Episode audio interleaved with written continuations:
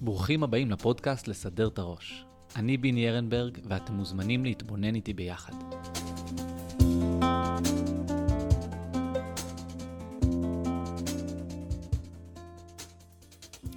יש הסבר חסידי מפורסם לשאלה מה גרם למרגלים לא לרצות להיכנס לארץ ישראל. מבחינתם, לא היה מדובר במעבר גיאוגרפי פשוט, אלא בשינוי מהותי בקשר שלהם עם הקדוש ברוך הוא. כשבני ישראל היו במדבר, הם היו קשורים להשם בצורה רוחנית וטבעית, בלי שום צורך בעבודה גשמית.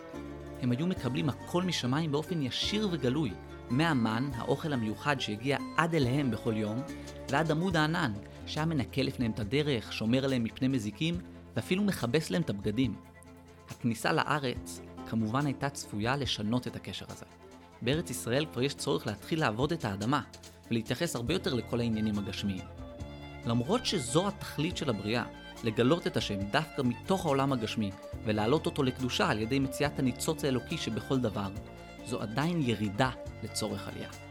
המשל הכי מפורסם לעניין הזה הוא על הנשמה, שלא רוצה לרדת לעולם.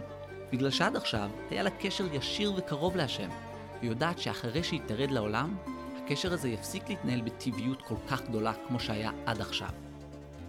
אבל האמת היא שזו לא רק בעיה של המרגלים ושל הנשמה שלנו. כל אחד ואחת מאיתנו מוצאים את עצמנו לעיתים קרובות לא רוצים לצאת מאזור הנוחות שלנו.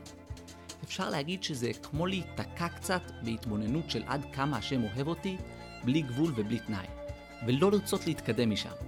להתמכר לתחושה של החיבוק של השם, ולפחד לצאת אל העולם. או כמו תינוק שלא מוכן לצאת מהרחם של אמא שלו, או נער מתבגר שלא רוצה לעזוב את הבית ואת התמיכה הכלכלית של ההורים. מצד אחד, באמת אין כמו החיבוק של אמא, ואין תחושה יותר מרגיעה מלהרגיש שהשם פשוט אוהב אותי עד אינסוף, בלי תנאים ובלי גבולות. אבל כמו המרגלים, הנשמה והתינוק, בסוף גם אנחנו צריכים לדעת שזו לא התכלית. לא ככה נביא את הגאולה. ברור שצריך לצאת לעולם מתוך תחושה חזקה שהשם אכן אוהב אותנו, אבל הוא גם רוצה שנצא ונתמודד עם העולם.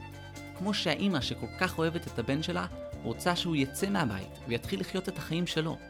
כי רק ככה אפשר להגיע לתכלית הקדושה שבשבילה נברא העולם. שיהיה בהצלחה לכולנו. רוצים לקבל עדכון על הפרק הבא? אל תשכחו לעקוב אחרינו, ככה תוכלו להתעדכן בזמן אמת על כל פרק חדש, וגם לעזור לנו לגדול ולצמוח.